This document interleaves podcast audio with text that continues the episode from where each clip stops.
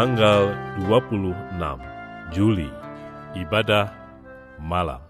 Tuhan, janganlah membiarkan aku mendapat malu, sebab aku berseru kepadamu. Mazmur pasal 31 ayat 18 Mari meneduhkan, menenangkan, dan memusatkan hati kepada Tuhan. Saat hening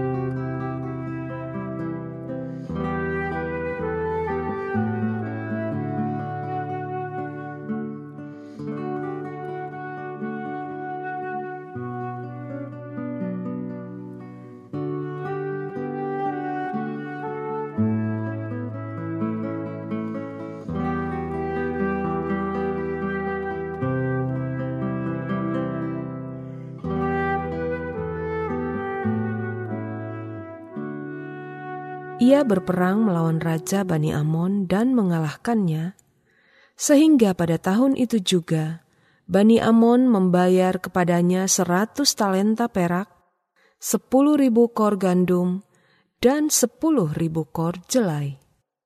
Juga pada tahun kedua dan ketiga, Bani Amon membawa upeti itu kepadanya. Yotam menjadi kuat karena ia mengarahkan hidupnya kepada Tuhan Allahnya. 2 Tawarik pasal 27 ayat 5 dan 6.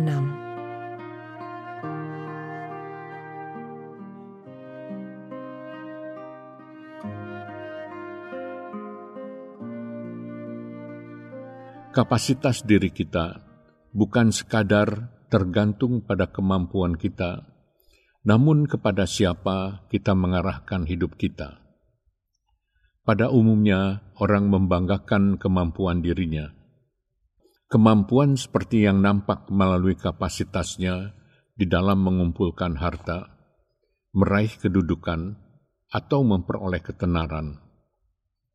Sesungguhnya, semua kapasitas itu bersifat tidak abadi, karena kemampuan manusia tidak tetap dan bersifat merosot. Tetapi tidak demikian halnya dengan kemampuan Allah. Kesanggupannya tetap untuk selama-lamanya.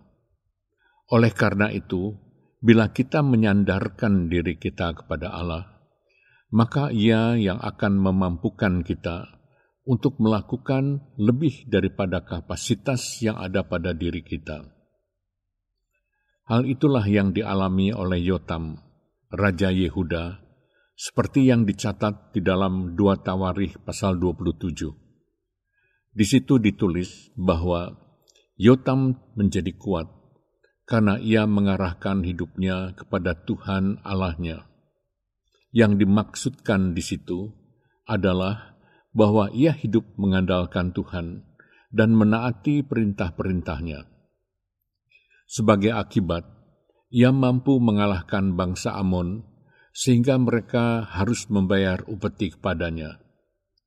Hal ini menunjukkan bahwa kapasitas diri kita tidaklah sekadar tergantung kepada kemampuan kita, namun kepada siapa kita mengarahkan hidup kita. Apabila kita mengarahkan hati kita kepada Tuhan, maka keberhasilanlah yang akan menyertai diri kita.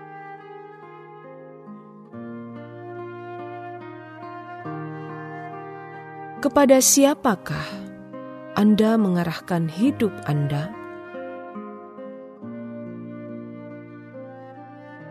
Apakah buktinya? Tuhan, aku berterima kasih kepadamu karena Engkau kembali mengingatkan diriku untuk senantiasa berharap dan menghormati dirimu. Karena orang yang berharap kepadamu tidak akan pernah Engkau kecewakan. Engkau membalas orang yang tahu menghormati dirimu dengan kebaikan dan berkatmu secara berlimpah-limpah. Oleh sebab itu, tolonglah diriku untuk senantiasa menaati firman-Mu sebagai wujud dari hormatku kepadamu. Di dalam ketaatan kepada firman-Mu itulah, aku akan berjalan di dalam hidup yang berkemenangan dan mengalami mujizat-mujizat-Mu. Aku bersyukur untuk pertolongan-Mu yang telah kualami di sepanjang hari ini. Di dalam kasih setiamu, engkau telah menuntun dan menyertai diriku. Tidak pernah engkau membiarkan aku menghadapi persoalan seorang diri, namun engkau senantiasa melindungi, meneguhkan, dan membela diriku. Tuhan, aku memasrahkan semua yang telah kukerjakan pada hari ini ke dalam kemurahan-Mu Sempurnakanlah semuanya itu dengan keberhasilan. Aku mempercayakan hari esokku ke dalam tanganmu. Aku yakin engkau memiliki rencana yang indah untuk masa depanku. Di dalam nama Yesus Kristus, Tuhan dan Juru Selamatku, aku mengangkat doaku. Amin.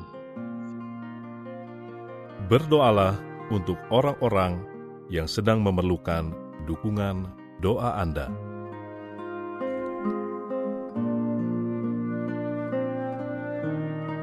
Mari meneduhkan hati di hadapan Tuhan.